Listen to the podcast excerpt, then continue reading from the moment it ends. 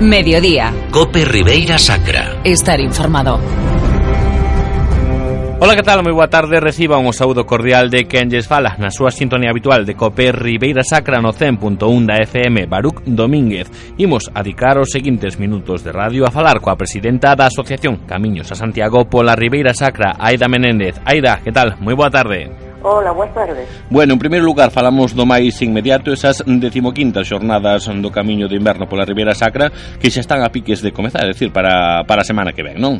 Pois pues sí, o fin de semana que ven, o mm. 15 e o 16, eh, xa vamos na edición decimoquinta, que, bueno, xa choveu, sí, sí. vamos de decirse. Mm. Pues bueno, realmente a asociación vai a cumplir 20 anos e antes de de cinco anteriores anos, pois pues, o que se fixeron foi vai outro, máis outro nome, Escola de Verán, Congreso, eh, que a Semana de Estudios Históricos daquelas que organizaba a Diputación, uh -huh. en fin, tiñan outros nomes, pero sempre en setembro tiñamos unhas jornadas culturales en torno ao camiño.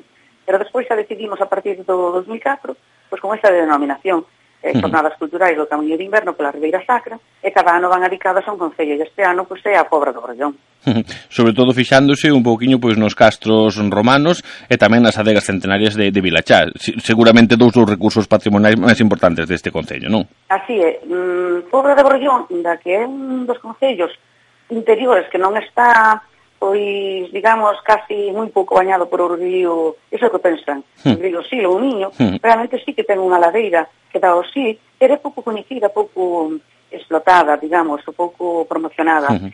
E entonces, unha dos días, que o día 15 concretamente, nos vamos a acercar mm, a Vilachá de Salvador, mm. que está a uns 6 ou 7 kilómetros de, oito, bueno, máis ou menos, de, mm. De, de Pobra do Brollón. Da Pobra. Mm. E, sí, da Pobra do Brollón. E, e vamos ver estas, mm, estas adegas centenarias que son do século XVIII e XIX, que son un conxunto delas que fan pois un conxunto etnográfico que é único en Galicia realmente, eh? Uh -huh. eh e bueno, mm, e aí viñan pois os, os, os viños que se que se cultivaban pois nesa ladeira que dá o Sil e, e que realmente ten pois mm, un sendeiro precioso, precioso, que sobre uns 8 kilómetros, que baixando, vamos a facer ao revés, desde a Zadega hasta Augas Mestas, Augas Mestas está onde se xunta o río Lor, Cosí, uh -huh. eh, xa no Concello entre Rivas de Sil, eh, e Quiroga, Quiroga uh -huh. e, e a Pobra do Brollón, uh -huh. non?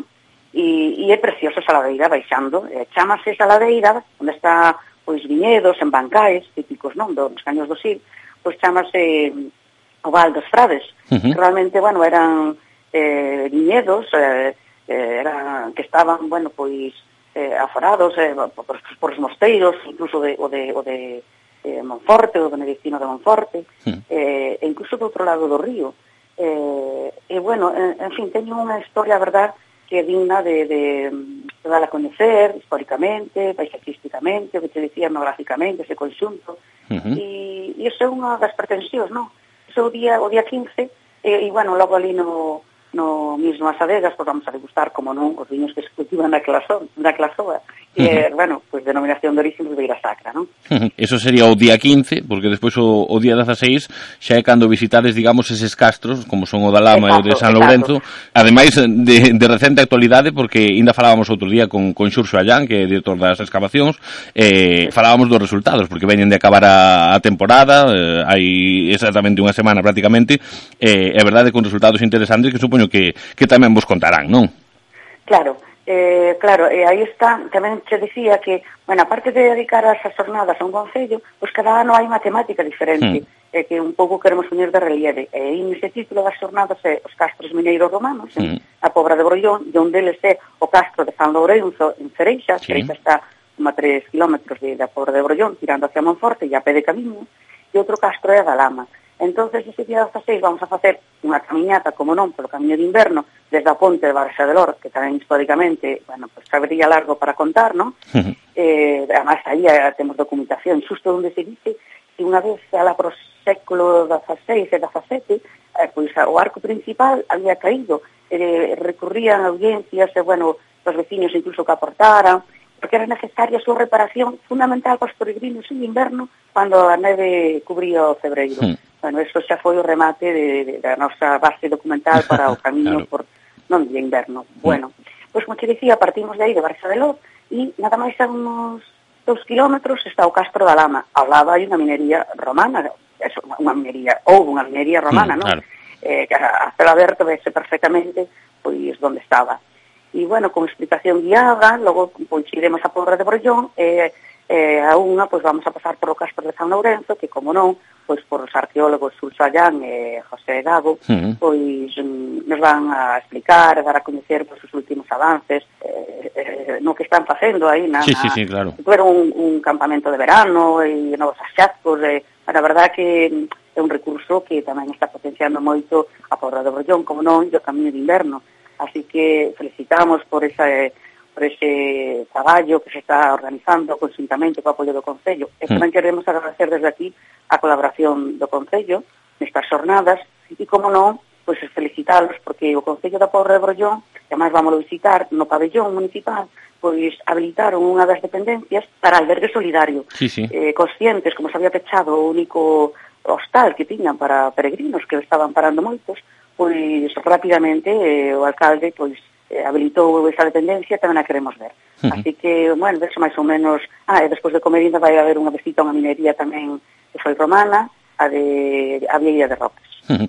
Pois moi interesante o programa para os días 15 e 16. Eh, iba a preguntar precisamente polo tema dos, dos albergues. Ahora que citabas o tema da, da Pobra do Brollón, eh, non sei como está a relación coas institucións para a creación de albergues. Inda víamos aí unhas semanas que a Xunta de Galicia creaba un área de descanso, que é outra cousa, na zona do, do Montefaro en Chantada. Non sei como, como hai que facer dende, dende a vosa asociación pois para pedir que o camiño de inverno que ano a ano vai tendo máis peregrinos, máis xente que o visita. Este ano, sin ir máis longe, tuvemos por aí a, ao noso comunicador Estrela a, a Carlos Herrera, pois por aí polos polos camiños do, do sur da nosa provincia, pois non sei, esa parte institucional que falta un pouquiño, non sei como a vedes que se pode facer. Pois, bueno, primeiro vou empezar por último, efectivamente, Carlos Herrera estuvo por aquí recorrendo de, de incógnito camiño de inverno, quixemos eh, casalo, pero non foi posible. Uh -huh.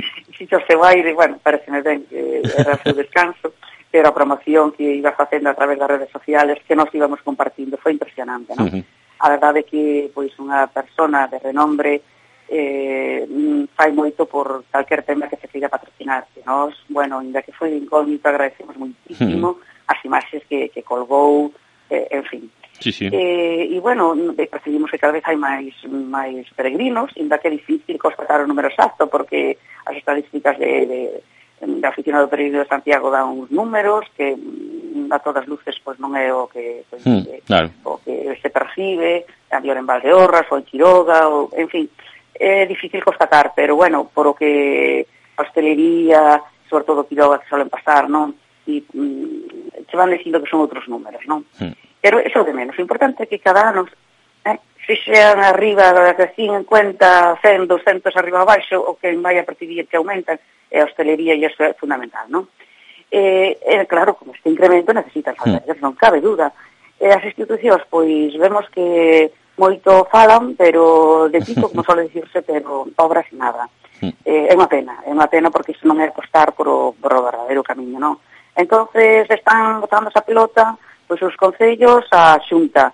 Eh, e, e, bueno, mm, pois eu me imagino que, además, se prometeron que a Xunta de Galicia xa o Xacobeo, o Turismo Xacobeo, pois van a realizar unha algunha obra cara ao ano Sacobeo 21, sí. pero un van a organizar seguramente un un albergue eh, público, pero donde? Pues, en forte, eh, na rúa, eh, en Chatada, en donde? Eh, vai haber un. E o resto, estamos, eh, en fin, eu penso que mm, non se poñen as pilas, que non ven realmente a necesidade que hai, porque si veran eles a primeira o primeiro paso eu penso que a iniciativa privada pois animaría máis. Uh -huh. E unha cousa non impide a outra, senón que ao revés, que unha tira a outra. E, e non anda arrancado, é unha pena, é unha pena porque levamos xa dous anos que se oficializou o camiño no 2016 sí. e, e esta é a gran carencia. Uh -huh.